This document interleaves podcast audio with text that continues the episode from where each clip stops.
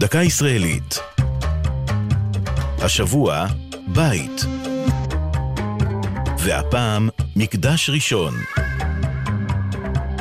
כ-15 מטרים גובה, כ-30 מטרים אורך וכ-10 מטרים רוחב. אלה היו מידותיו המרשימות של בית המקדש הראשון שבנה שלמה המלך על הר המוריה בירושלים, כמסופר בספר מלכים.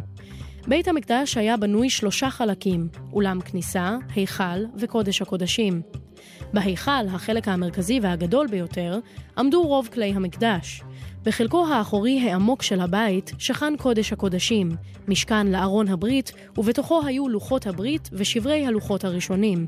כארבע שנים עמד בית המקדש הראשון על תילו, עד שנהרס ונשרף בידי נבוכדנצר, מלך בבל.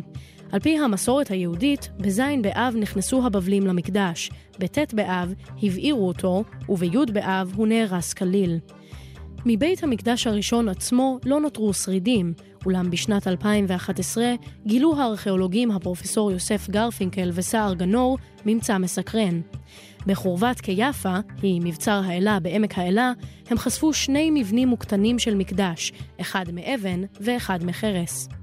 דגמים אלה הוכנו, על פי המשוער, בתקופת ממלכת דוד, לפני בניית בית המקדש הראשון, ויש המוצאים בהם קווי דמיון למבנה שבנה בנו, המלך שלמה.